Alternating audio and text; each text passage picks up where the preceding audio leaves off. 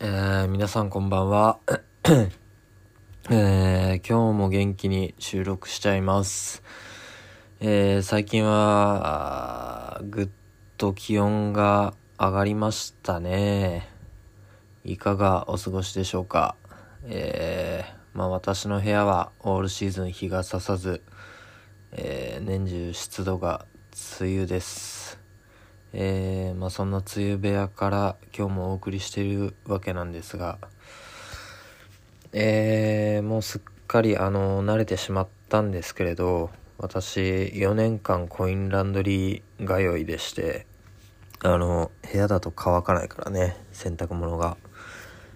でコインランドリーの乾燥機で、えー、いつも乾かしてるんですけれど、えー、この間コインランドリーに行ったらちょうど小銭を切らしててで両替機で崩そうと思ったんですけど万札しかなくて、えー、万札だと両替機使えないんでね、えー、コンビニ行ったんですけどなんかプッチョを食べたくなってでプッチョを探してたんですけど、えー、ないないんですよねなんか。あれなくなっちゃったんですかね、まあ、昔はよく CM なんかもよくやってたような気がしたんですけど最近そもそもお菓子の CM ってやってないのかな。まあテレビ見ないんですけど CM に広告料を使うより今はなんか違う方法で発信されてるんですかね。SNS とかですかね。口コミか？なんかそういうの増えてそうですよねお菓子に限らず。えー、まあ、結局タバコ買いました。えー、じゃあ一旦タバコ吸います。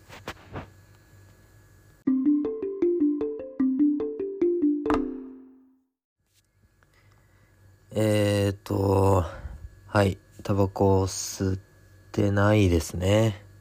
えー、結局吸ってないです。ちょっと連続で撮り始めちゃいました。えー、っとじゃあちょっとタバコでも吸いながら話すとするか。えー、最近あったことといえば何かあるかな？なんですかね。えー、っと今朝ではなく昨日 昨日ですねえー、あの駅のホームでタバコを買おうとしたんですよで駅のホームってあのコンビニあるじゃないですかあのニューデイズとかねでニューデイズの店員さんにえ、タバコの番号を伝えますよね。えー、何番って。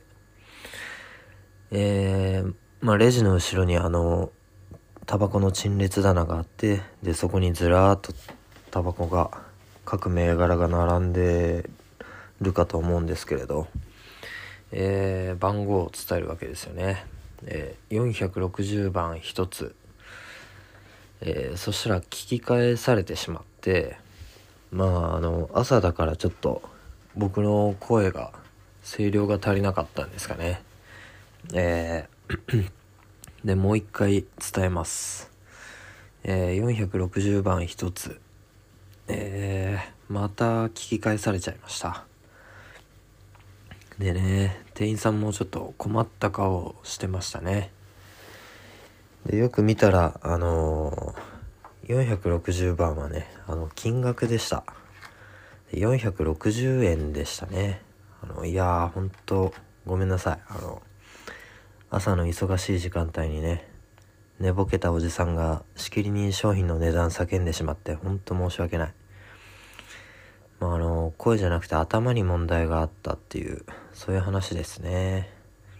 はい。えー、てなわけでね今日はこれといった話題がないのでぬるっと適当に話していこうかと思いますけどえーとこないだは日曜日は何したんだっけ？あこの間あのま肉を大量に食ったんですよね。ハンバーグですね。えー、まなんかキノコとかも乗っててトマトソースかな？洋風仕立てっていうのかな？まあ美味しかったですね。肉って美味しいですよねなんか。無条件に。なんか肉と魚血肉っていうんですかね。なんででしょうね。美味しいって感じるってことはその体に必要なものとしてなんか DNA に組み込まれてるんですかね。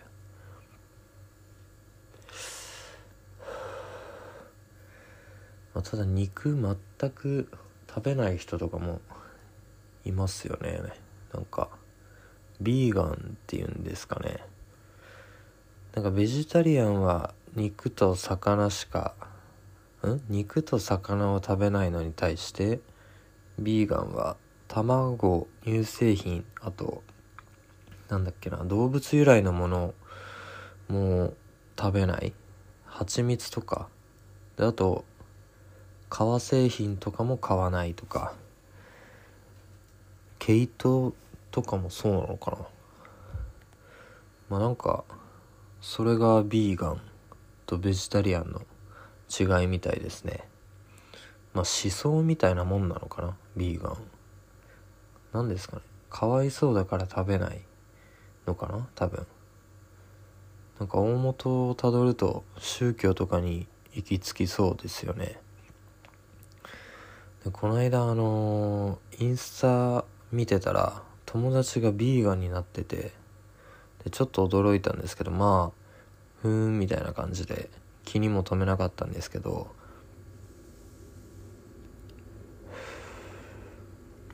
そしたらストーリーとかであの羊やら牛やらが屠殺されてる映像を流してくるんですよね。参るよねあれ。もうやめてよって。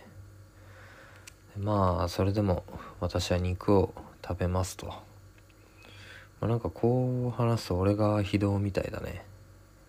まあ非道ではないんですけど。えー、心優しい化け物です。えー、もう一回休憩します。えー、じゃあ再開しようかな。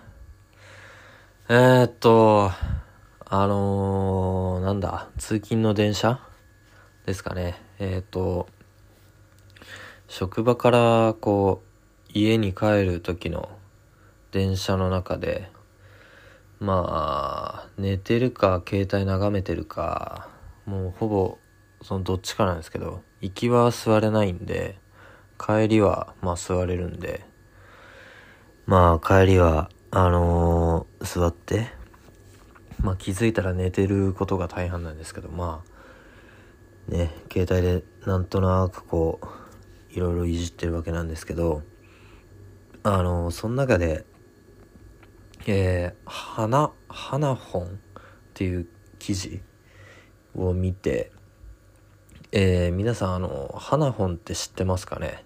あの鼻にノーズですね。鼻。にイヤホンを突っ込んであの音量最大にすると頭の中に音がすごい響いてでめっちゃ臨場感が出るっていうやつなんですけどもうこれあのなんかすごく気になっちゃってで家帰ったら早速やろうと思ったんだよね、まあ、ちょっとこの時点でおかしいんですけどで、まあ、家着いたらまず風呂に入るために服を全部脱ぐんですけどで服を脱いでよし風呂に入ろうと思った時そこであの花本のことを思い出してもう早速あの Bluetooth じゃないイヤホンがあったんでね。あのそれで試してみたんだよね。でそしたらあの全く臨場感はなくなんか鼻の近くでシャカシャカ音が鳴ってるだけでなんかすごい虚しくなったんですよね。でふと横を見たらあのでかい姿見に鼻にイヤホン突っ込んだ裸の男がいたんだよね。あれ怖かったよね、まあ、皆さんもねくれぐれも花本はやらないようにねもう犠牲者出したくないんで。えー、まあ、その時あのガリレオを流してたんですけどなんか申し訳なくなったよね本当。もっと違う曲にすればよかったのかな。あのいすん？重低音響くような音楽とか。音楽に問題があったのかな、まあ、一層ねなんか興味のないジャンルとか。演歌？演歌はないっすよね。演歌以外は僕何を聞いてるんですかね。オールジャンルかな。ロック。ヒップホップ。レゲエ。レゲエもたまに聞くか。なんか前スノボ行った時に会いましたね。スピナビルさん。あれはライブっていうのかな、まあ、ライブっちゃライブか。まあなんか生で聞くとやっぱ良かったっすね。なんかレゲエをそんなこう日常的に聞いてるわけじゃないですけど、まあ、たまになんか聞くよな。まあき始めたそのきっかけとしてあのーもうレゲエとの出会いは最悪だったよね。あのまあ平たく言うとあるパーソナリティから勧められたんだけどあの大学3年の頃だったかな。あの八王子？下宿下宿先のアパートで。で、えー、ああ今日も何もしなかったよし寝るかってなってた時にえー、パーソナリティの、えー、まあ、ゴンゴさんですね。ゴンゴさんから LINE が来て、えー、起きてるか、家の鍵開けといてくれって、えー、LINE が来たんですよね。で、これ翻訳すると、あの、何時になるかわからないけど、家に行くっていう、そういう意味なんですよね。で、まあ、家来るんだと思って、鍵開けといたんですよ。で、そしたらまあ1時間後ぐらいかな。いや、多分お腹の1時ぐらいだったと思うんですけど、まあ、彼が家にやってきて、で、まあかなり酔っ払ってたね。あの時彼。で、まあなんかどうやら先輩と飲んできたみたいなんだけど、まあその時もう僕眠かったもんで、えー、まあ若干不機嫌というか、えーになってたわけなんですけど、えー、まあ、彼が言うんですよね。あの、なんでお前は酔ってないんだって。なんかもうむちゃくちゃですよね。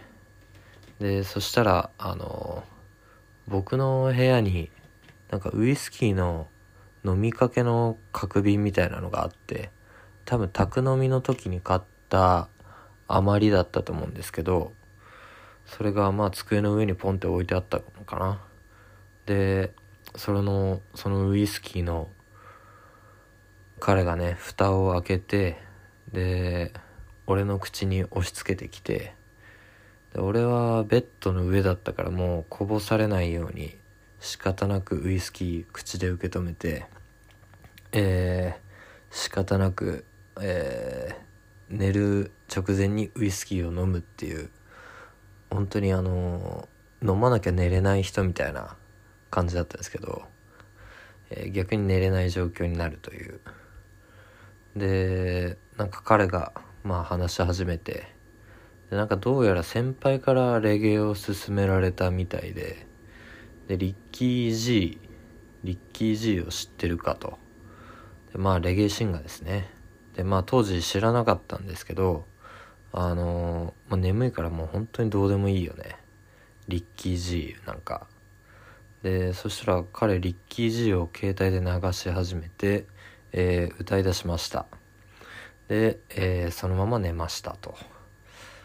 えーまあ、これが彼のプロフィールで紹介した、えー素直欲望に忠実にあたる部分ですかね、まあ、そんな感じのきっかけがあって、えーレゲエを知ったと、えーまあこれがレゲエとの出会いですね僕の。はい。えー、なんか頭回らないな。何分ぐらい今日撮ったんですかね。まあ今日はこんなとこにしときますか。はい。えー、じゃあお元気で